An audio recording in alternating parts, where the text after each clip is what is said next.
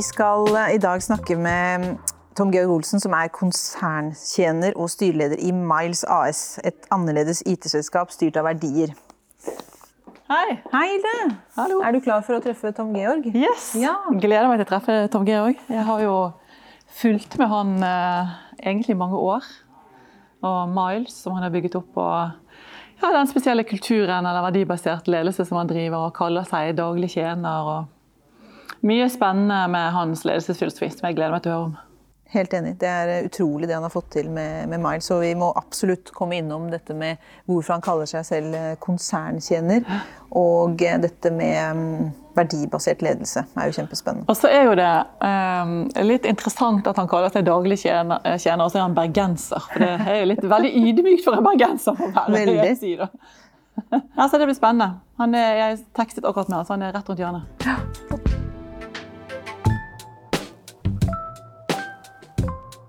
Da er vi i gang igjen. Takk for at du tok deg tid til å treffe oss eh, i dag, Tom Georg. Eh, I denne sesongen så intervjuer vi amazing people, og det er derfor du, eh, at vi hadde lyst til å snakke med deg. Eh, Og vi skal snakke litt mer om hva du har fått til på, på din reise med Miles. Eh, Men først og fremst så er vi veldig nysgjerrig på å få vite litt mer om hvem du er. Ja. For det første, takk for at jeg fikk komme. Og så skjønner jeg jo litt sånn forventningslisten er lagt når det er 'amazing people'. Så neste spørsmål er hvem, hvem er du? Hvor amazing er du? Nei, ja, how, how amazing. Eh, ja, hvem er jeg? Um, til så er jo konserntjener og styreleder i, i Miles. IT-konsulentselskapet Miles. Så det er der jeg har på en måte mitt hovedvirke. Og så uh, involverer jeg meg i en del andre ting, basert på interessen rundt ledelse, styrearbeid, fotball, bærekraft osv. Så, videre. så jeg deltakelse i ulike styrer, både som styreleder og styremedlem. Og holder også en del foredrag. Jeg synes det er veldig jeg håper, det er givende for de som, som hører på, men også givende for meg, for det er veldig utviklende. Um, å forberede foredrag uh, og sitte seg inn i ting og forsøke å dele det på en måte som, som gir mening for andre.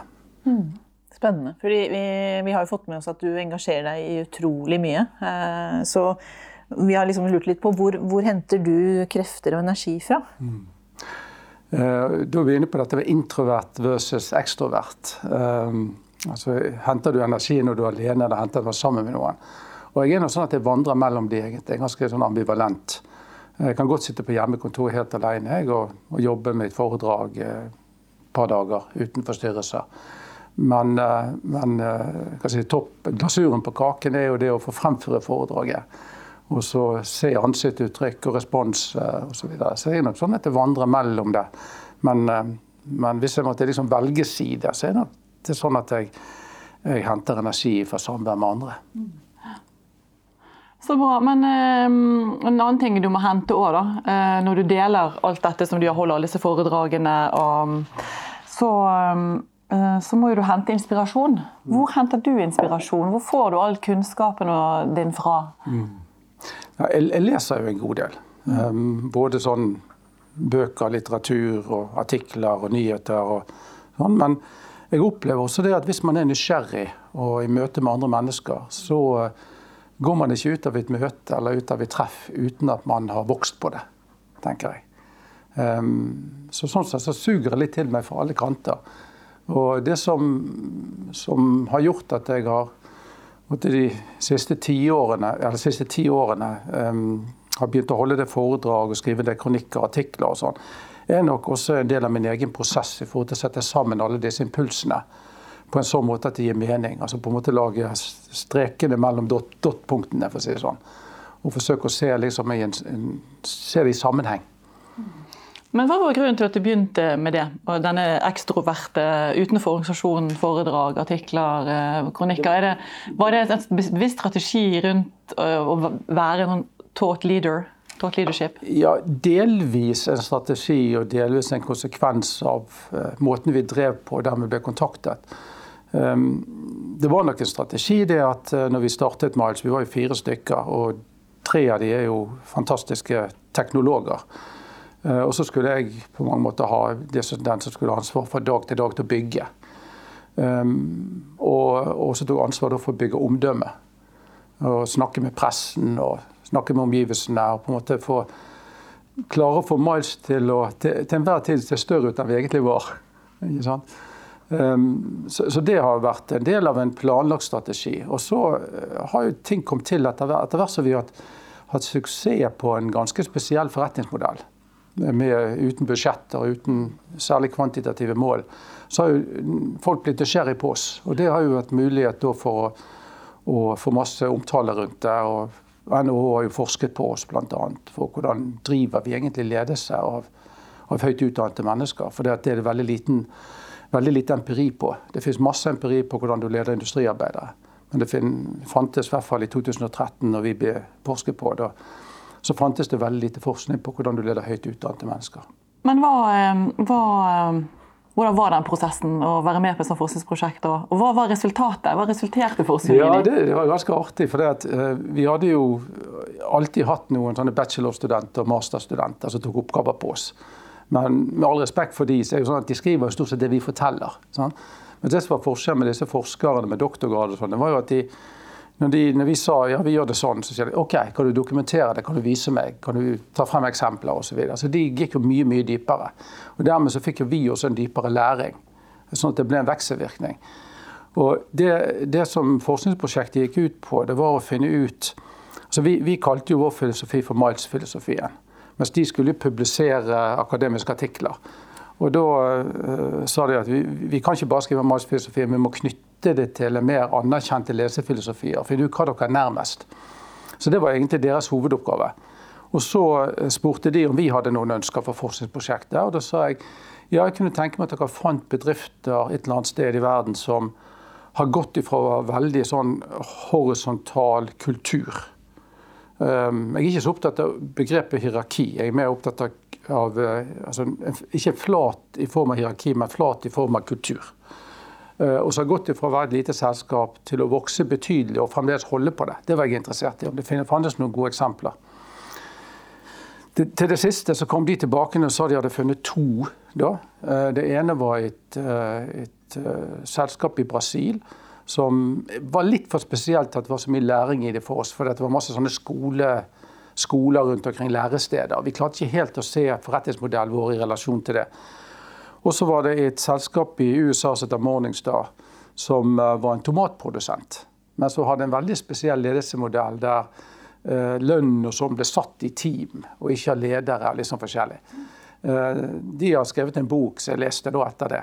Men der også følte jeg at det var flat kultur sett med amerikanske øyne. Mm. Sånn sett så følte jeg at vi var, vi var nok litt annerledestenkende også på det. da. Og så var jo deres hovedoppgave å finne ut hvilken lesefilosofi vi, de mente vi var nærmest. Og da kom de opp med noe som, som, vi ikke hadde hørt om tidligere, som heter 'servant leadership', eller tjenende ledelse på norsk. Det var ikke et begrep som var brukt i Norge. Så det var der du fikk det fra? Ja, det var der vi fikk det fra. Um, og, og gikk tilbake til 1970-tallet med Robert Greenleaf. Um, og som egentlig en, Jeg har lest mye om det, og jeg har også vært involvert med Servant Leadership Institute og holdt foredrag for det og sånn. Det, det, er egentlig en filosofi som, som, har gått i to retninger. En i forretningsretning og andre i religiøs retning. Um, men vi er jo mer på den forretningsretningen. da. Men når vi så gjennom de prinsippene som de har, så fant vi ut at vi kunne liksom hooke av på alle sammen. Eh, sånn at for, for oss endret det ikke så veldig mye, men vi fikk en knagg å henge det på. Og en måte å kommunisere på. Og det eneste vi endret, var egentlig titlene våre. Jeg hadde jo allerede lekt litt med, med daglig leder, daglig tjener. For da hadde jeg en operativ funksjon. På det tidspunktet så var holdingselskapet og driftsselskapet i Bergen ett selskap. Eh, så jeg, I tillegg til å ha en sånn funksjon på tvers, så hadde jeg sånn operativt ansvar i Bergen. Um, og, og, da gikk jeg rundt og spøkte med at det var daglig tjener. Sånn Men når vi fikk da vite at vi faktisk drev Servant Leadership, så formaliserte vi det. Så alle lederne i datterselskapene våre er da formelt daglig tjenere. Og etter hvert som jeg slapp tak i Bergen og Kit Henriksen kom inn og tok daglig tjenerrollen, så, så, tok jeg da konserntjener. da. Ja. Som, som tittel. Men hva legger dere i, i den tittelen? Altså, sammenlignet med, med ja, Det er egentlig to ting. Det ene er at uh, det er litt sånn glimt i øyet.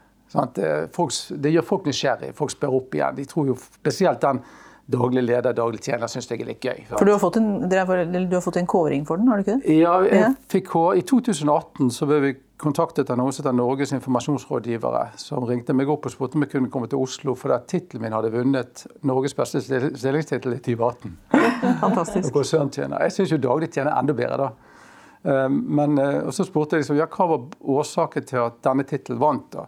Og det De sa det at de fleste firmaer, spesielt startups, liksom, de er tre ansatte. og De er CFO, CEO og CTO. Mens, og på en måte dresser seg litt opp. Mens vi bruker titler som egentlig dresser oss ned. Så, som tyder på en litt sånn annen tilnærming til det, og en annen trygghet kanskje også. Um, så, så det, var det, det, var det, vi endret. da. For Hvilke forventninger har dere da til hvis du skal ansette en daglig tjener, da, f.eks.? Ja, ja. Ja, det, hva, hva... Jeg svarte ikke helt ferdig på spørsmålet, forrige spørsmål heller. for Jeg sa det var et glimt i øyet. sant? Um, men det sier også noe om ledelsesfilosofien vår. Det sier noe om vår tilnærming til medarbeiderne. Sant? Um, så det er en sånn dobbel effekt ut av det på mange måter. Mm. Fortell litt mer om, om den tilnærmingen til, til, til, medarbeiderne deres. Ja, um, nå, er det fare for at jeg nesten begynner på sånn foredrag om lesefilosofi. for det, det, interesserer meg. Filosofi er jo egentlig kjærligheten til visdom. ikke sant? Og ledelse blir da kjærligheten til visdom om ledelse. Um, og Hvis man ser på liksom hvordan utviklingen har vært, så har det liksom vært Eh, at du har liksom på den ene siden sagt litt enkelt da, transaksjonsledelse versus transformasjonsledelse. Sånn, der transaksjonsledelse er egentlig sånn individuellbasert. Hva trenger du for å gjøre denne jobben? Din lønn og din bonus og dine insentiver. Mens transformasjonsledelse handler om å få folk til å ha lyst til å oppnå noe sammen. Og, og, transformasjonsledelse er, jo, er gjerne blitt kalt for liksom moderne ledelse. Da, sånn, tilbake til Peter Drucker. Eh, men innenfor transformasjonsledelse så er det veldig mange varianter. Og Der ligger ting som verdibasert ledelse, tjeneledelse, eh, du har gi slipp-ledelse, du har mestringsorientert ledelse. Du har masse sånne som går litt over i hverandre. da. Men, men tjenende ledelse på, og tillitsbasert ledelse i tillegg. Men tjenende ledelse er eh, først og fremst det at du skal støtte dine medarbeidere sånn at de får best mulig utvikling. Det er liksom kjernen i, i, eh, i tjeneledelse. Og så tror jo man, basert på ordlyden da, i det, at det er, noen, noen, tror det er en sånn svak type ledelse. Mens min påstand er jo at skal du være daglig tjener, skal du være konserntjener, så må du egentlig være sterk, sterk leder. For det, det, det, er jo, det, er jo, det, er jo, ikke, altså det høres så enkelt ut, men ja, ikke sant? I praksis, jeg tror du må ha en, en uten å, å snakke om meg sjøl sånn direkte, men jeg tror du bør ha naturlig autoritet. fordi at selve tituleringen tar jo fra deg litt autoritet sånn i utgangspunktet. Så du skal være litt sånn trygg i stolen din, lederstolen din for at du skal kunne gå rundt med sånn tittel. Sånn. Eh, veldig mange av de som skal ha sånn type titler, liker jo bedre å kalle seg administrerende direktør, f.eks. De syns at OK, du har satt liksom med riktig posisjon. Men, eh, men vi tror ikke det er så viktig, da. Vi tror mer den naturlige autoriteten er viktigere. For dere har jo ehm, ja, har jeg hørt eh, deg si at det er dobbelt så god bunnlinje som resten av deres bransje, og uten budsjetter. Mm. Er dette noe av suksessen, eller er det, er, hva tenker du uh, er svaret på hvordan dere har oppnådd sånne resultater? Ja, nå er det jo sånn at Dobbelt så god bølge er jo som ett år, så noen andre, andre år så er det jo som, så det samme som de andre. Sant? Jeg tror liksom ikke akkurat det skal sitte to streker under det, men, men, vi er definitivt lønnsomme. Og vi ligger over snittet i bransjen. Um, og forretningsmodellen vår den ble nok sett på sånn ganske naiv til å begynne med. Der vi sa at hvis vi setter en god filosofi, og da kan du tenke deg visjon, verdier, eh, ledelsefilosofi, um, og, og så kommer liksom hoveddelen implementerer han veldig, veldig intenst, eller veldig eh, nøyaktig. Eh, så klarer du å bygge en kultur som speiler disse verdiene, denne filosofien. Veldig mange stopper jo når de har, vært, de har samlet en gjeng, og så har de, har de pizza og så har de øl, og så har de funnet to-tre verdier, og kanskje til og med mer. Eh, og kanskje en god visjon, en setning, og sånn, så er de ganske fornøyd. Og så får de den opp på nettsiden sin, og så bikrer de skilt i kantinen. Og så eh, føler de på en måte at 90% av jobben er gjort. Um, men den er jo ikke engang begynt. Nei, og det, det liksom, og, og ledere er jo som mange andre mennesker. Vi, man er jo litt late. Så man vil jo helst bare si sånn er det, og så skjer det. Sånn. Um, mens jeg opplever at hvis du virkelig skal få verdien av verdiene, da, si sånn, så må du legge ned betydelig arbeid i implementeringen. Og Den begynner jo med rekruttering. Altså rekruttere mennesker som naturlig enten, enten gir en det som kalles for en culture fit eller en culture add. Sånn at de tilfører noe, eller i hvert fall tilpasser seg. og Når de er seg selv, så lever de verdiene våre. Men Hvordan eh, sjekker du det, Tom Georg, at de er, er en culture fit? Ja. Eh, vi, vi, driver jo vi, vi, liker å si at vi driver verdibasert rekruttering. Mm. Vi har to verdier. og Det er faglig autoritet og varme. Og Faglig autoritet handler om det at eh, du kan ikke jobbe i et firma som Miles som IT-konsulent Eh, med mindre du har en sterk interesse for faget. For det er så enorme endringer hele tiden. Og hvis, du, hvis, du, hvis du, mister interessen, eller ikke klarer å følge med, så blir du leder. pleier jeg å si.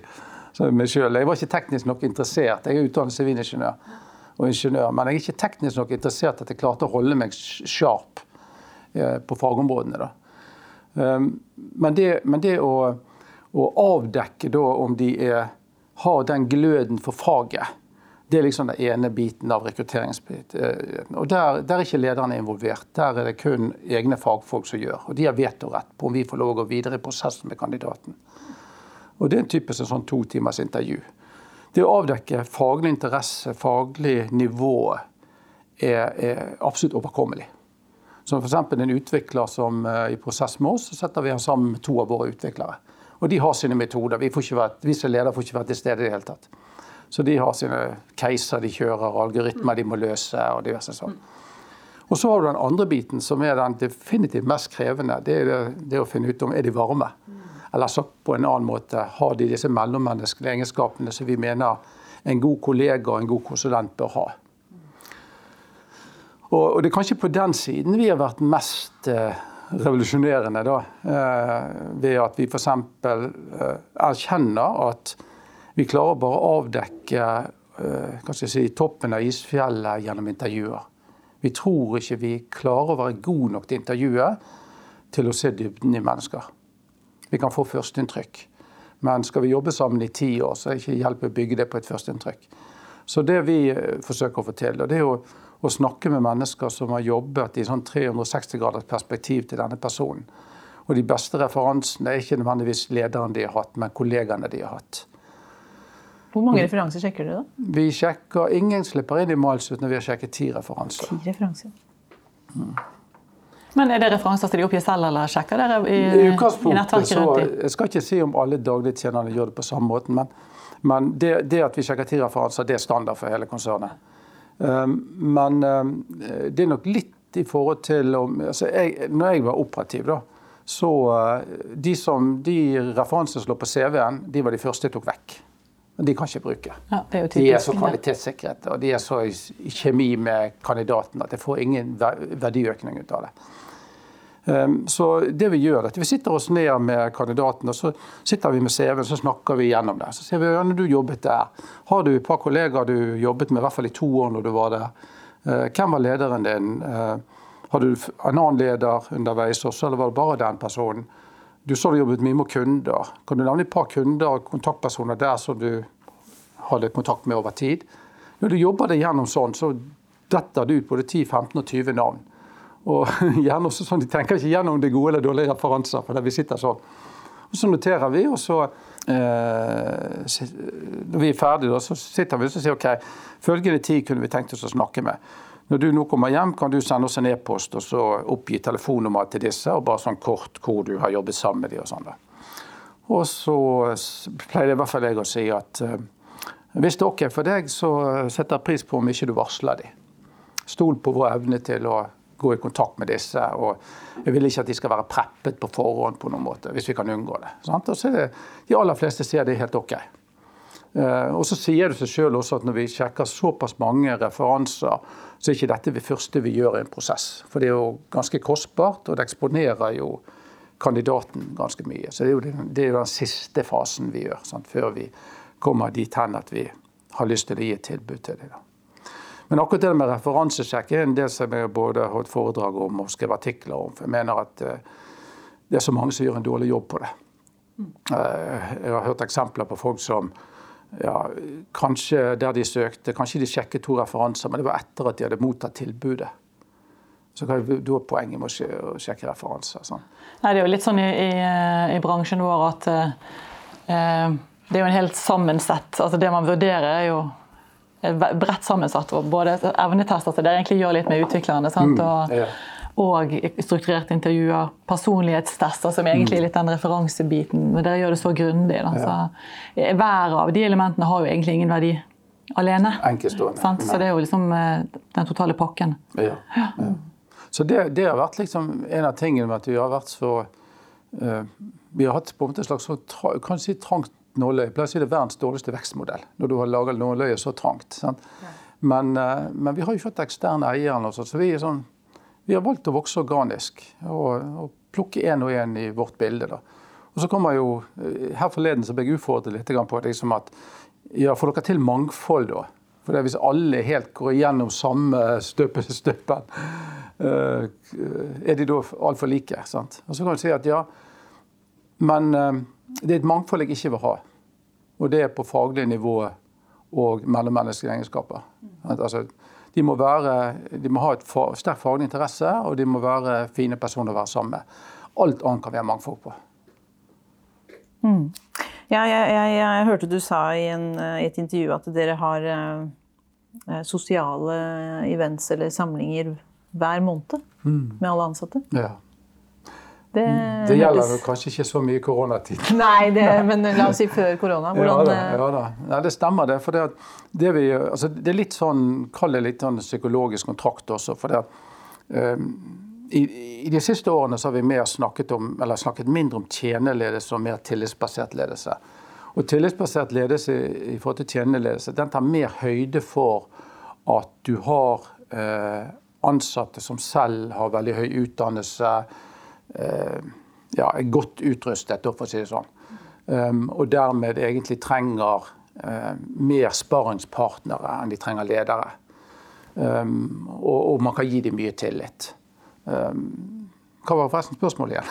Eh, disse sosiale samlingene, hva, hva, altså det, det, er jo fantastisk å møtes så ofte. og Det å, ja, ja, gjennom, altså det å bygge en, eh, ja. en, sterk kultur, så må man bygge relasjoner. Det var det jeg skulle gå omveien inn på. Det for det å, å bli ansatt da, verdibasert, sant? det betyr at også når de kommer inn, så forventer vi at de lever de verdiene. Sant? Og den varmeverdien er sånn, Når jeg satte meg ned og, var operativ, så, så, hadde vi en forventningssamtale første dagen på jobb.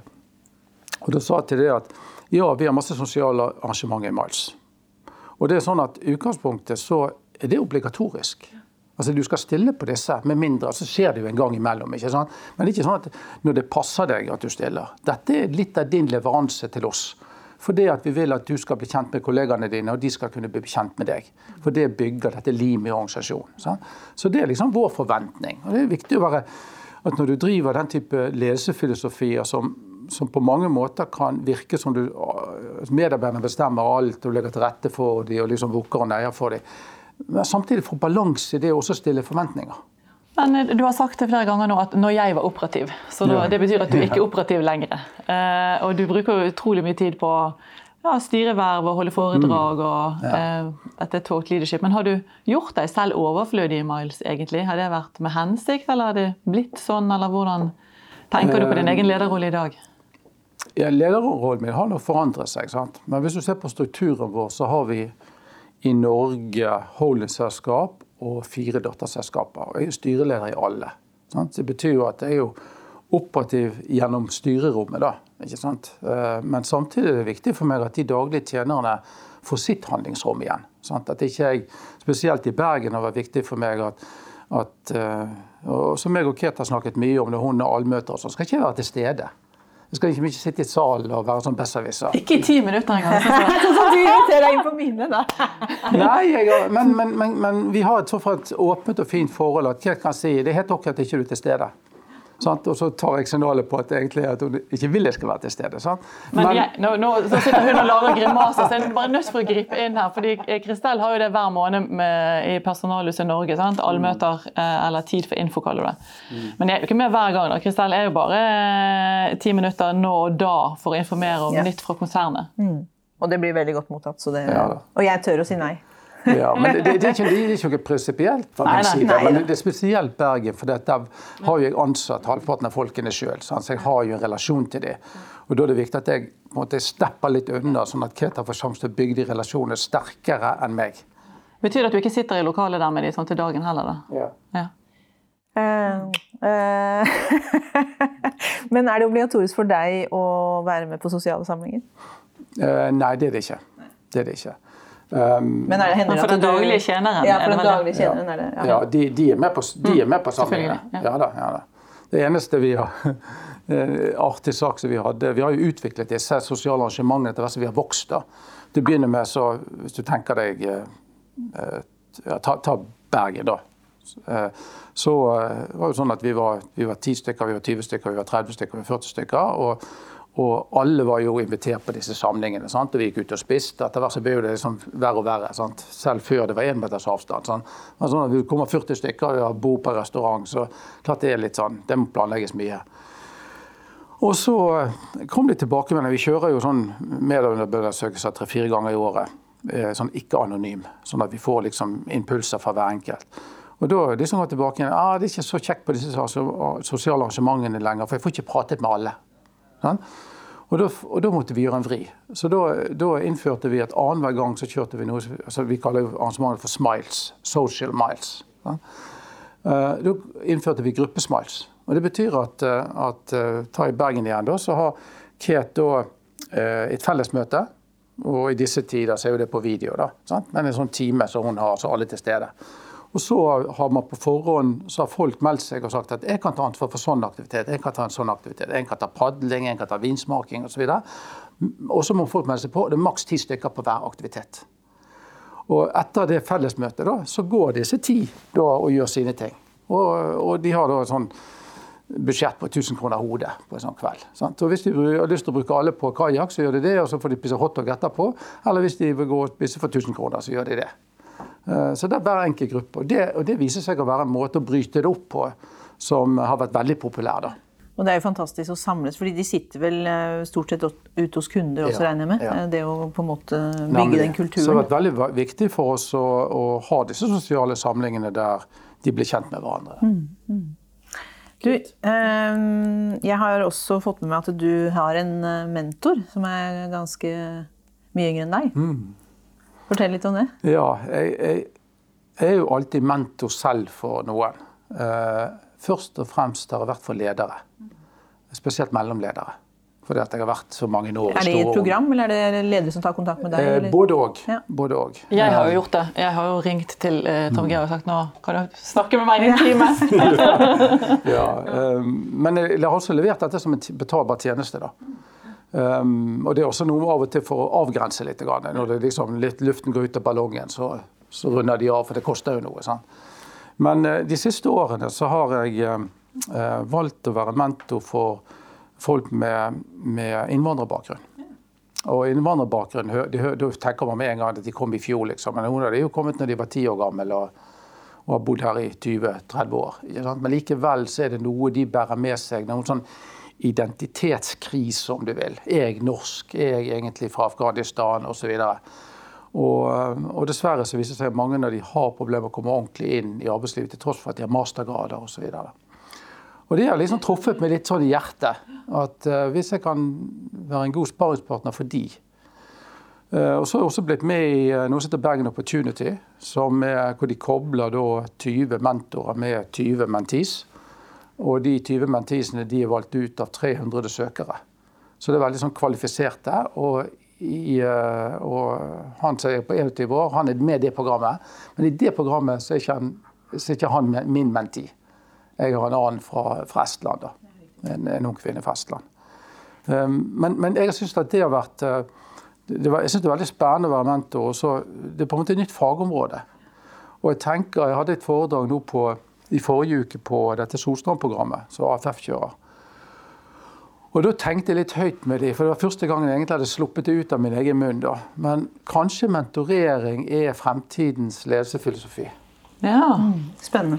hvordan? Fortell litt mer om det. Ja, men det, det, fordi at jeg har eh, mentorering altså, Jeg skal ikke ta et langt foredrag om forskjell på mentorering, rådgivning og coaching.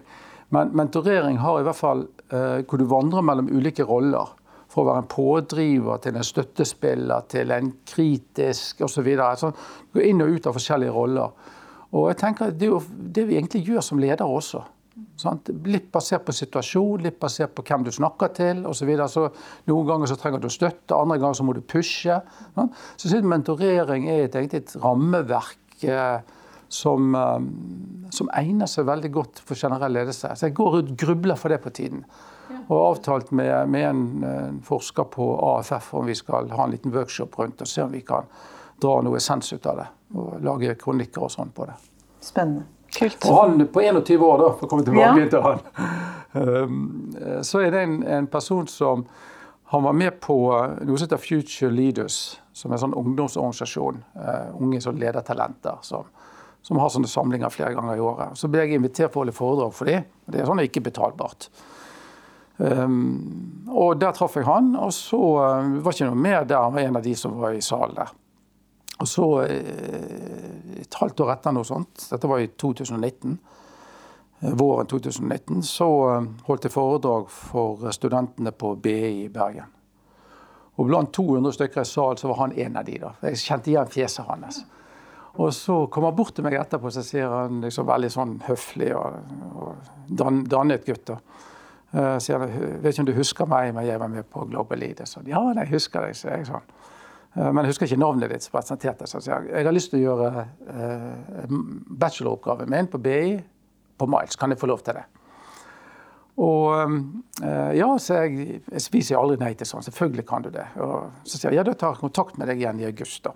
Og I august har kontaktet meg, og så sier han at nå er jeg kommet der at jeg, at jeg trenger å ha en halvannen time intervju med deg. Så. Og eh, inviterte til kontoret, og vi kjørte gjennom dette intervjuet. og Vi var ferdig sånn fem-ti minutter før tiden. Og så sier jeg nå, nå har jeg snakket i halvannen time sånn, om, om, meg sjøl og hva jeg tenker og sånn. Hva, uh, men få, må, få, vite litt om deg, sier jeg. sånn. Og så forteller han da sin historie på en han er, han er virkelig en sånn storyteller. altså sånn at du, du føler du kommer på innsiden når han forteller, for det er så mye følelser i det, selv om han er veldig rolig. Så fortalte han sin historie fra foreldrene som, eh, som flyktet fra Afghanistan sammen med bestefaren hans. Han er selv født født i Usbekistan, der de flyktet til. Og, og navnet hans betyr håp på, på afghansk. Um, og så kommer han til Norge, ti år gammel, til Lofoten. Kommer ut der det er helt mørkt. Noen svarte biler som venter på dem. Liksom, det var velkomsten til Norge. Veldig fin velkomst, for så vidt. Og så siden flyttet til Sarpsborg, og så studert i Bergen. Da. Og så forteller han da at når, når han var kommet til Norge, og bestefaren hans var på en måte stor helten i livet hans. Det var han som var med han og lærte han ting på skolen. og Det var han som lærte han å dyrke i hagen. og litt sånn rollemodell. Og så blir altså da bestefaren, som da var offiser i den afghanske hæren, blir da drept i trafikkulykke i Afghanistan. Og da går jo rullegardinen ned for han. ikke sant? Det er jo den verste dagen i hans liv. da, sant? Så alle rekkverket datt ned på mange måter for han. Og, um, og så jeg sitter der og prater med ham, og, og, tårene tok meg. Sant? Jeg begynte tårene trille. For måten han forteller på historien hans, gikk så inn på meg. Så jeg må ta en pause, så jeg gikk på toalettet og tørket meg og kom inn igjen. Og han fortsatte å fortelle, og han var jo liksom preget av at jeg sant? Jeg sitter her med store ledere og så feller tårer. Og eh, jeg fortsatte å gråte. det. Vi var bare under Asia. Jeg og han litt sånn, litt sånn brydd og sånn, takker for møtet og går. da. Så Et par dager etter så sender han meg en melding og sier jeg har tenkt så mye på den, eh, om jeg såret deg eller noe sånt. Nei, så det var bare en veldig sånn, veldig sånn flott historie, sier jeg. Og, sånn. og, så, og så sier han kan jeg spørre deg om en ting. Ja, sier jeg. Han spør, spør alltid på forhånd om han kan spørre. Og så sier han det. Eh, er det, er det sånn at kan du være så sårbar som leder uten å miste autoritet? Mm. Og det var på en måte min mm. start på relasjonen med han. Ja. Hvor vi har diskutert veldig mye ledelse. Og han her er jo sånn så, Og sånn eh, han ble en mentor for deg også? Ja, ja. egentlig. Mm. Eh, for han, eh, han, stiller en del spørsmål fordi at han har ikke så særlig arbeidserfaring. Så han stiller spørsmål som utfordrer min måte å fortelle historier på. For jeg ser at når jeg snakker om tillitsbasert ledelse, så må han bruke, han må bruke metaforer fra hans, sin egen verden. Sant? Så vi har hatt utrolig mange gode, gode diskusjoner på bakgrunn av det. Så det er veldig veldig givende. Så jeg vil anbefale alle å og ikke vanligvis trenger å ha utenlandsk bakgrunn, men, men, finne noe som er litt forskjellig fra en. Men, men samtidig oppegående i hodet, så at det ikke bare blir en enveissak og du føler du bare støtter og hjelper en, men en som har noe å tilføre tilbake igjen. Andre kulturelle, andre perspektiver. Mm. Fantastisk eh, historie. Mm. Ja, jeg tror vi begynner å nærme oss slutten. Ja. Tiden går veldig fort. Eh, vi har vært gjennom veldig mye spennende. Eh, men helt til slutt, Tom Georg, så eh, kunne jeg tenkt meg å spørre deg om hvis du skulle gjort noe helt annet, mm. hva ville det vært? Ja, nå har jeg jo gått inn bl.a. i selskap som skal bli det nye grønne Equinor. Dette er Greenstat. Um, og de har jo ja, de har ambisjonen om å være verdt 100 milliarder i 2030. Sant? Og i dag er de 15 ansatte eller noe sånt. Um, og jeg har tenkt at uh, hvis det er noe jeg skal jeg skal bl.a. bruke tiden min på nå resten, så er det å, å, være med på dette grønne skiftet. Og så kan jeg så lite om det. Sant? Så jeg gikk inn i styret der i i august i fjor så brukte jeg hele sommeren på å lese meg opp og forsøke igjen å knytte streker mellom disse dot-punktene av separat kunnskap. da. Uh, om alt fra hydrogen og, og, solenergi og vindkraft, og hvor, hvor er vind bra, hvor det ikke er bra osv. Så, uh, så nå har jeg lest meg opp og lært litt om industrivind og hydrogenproduksjon og litt sånne ting. Og det, det føler jeg at jeg bidrar litt i riktig retning. da. Mm. Absolutt. Spennende. Det blir veldig spennende å følge, følge, deg videre også. Eh, det har vært utrolig inspirerende å snakke med deg, og jeg kunne gjerne sittet uh, mye lenger. Så takk for alt du har delt med oss. Tusen takk for at jeg fikk komme. Takk for at uh, du lyttet, og så høres vi igjen i neste episode av Uten filter. Ja. Ha det. Ha det.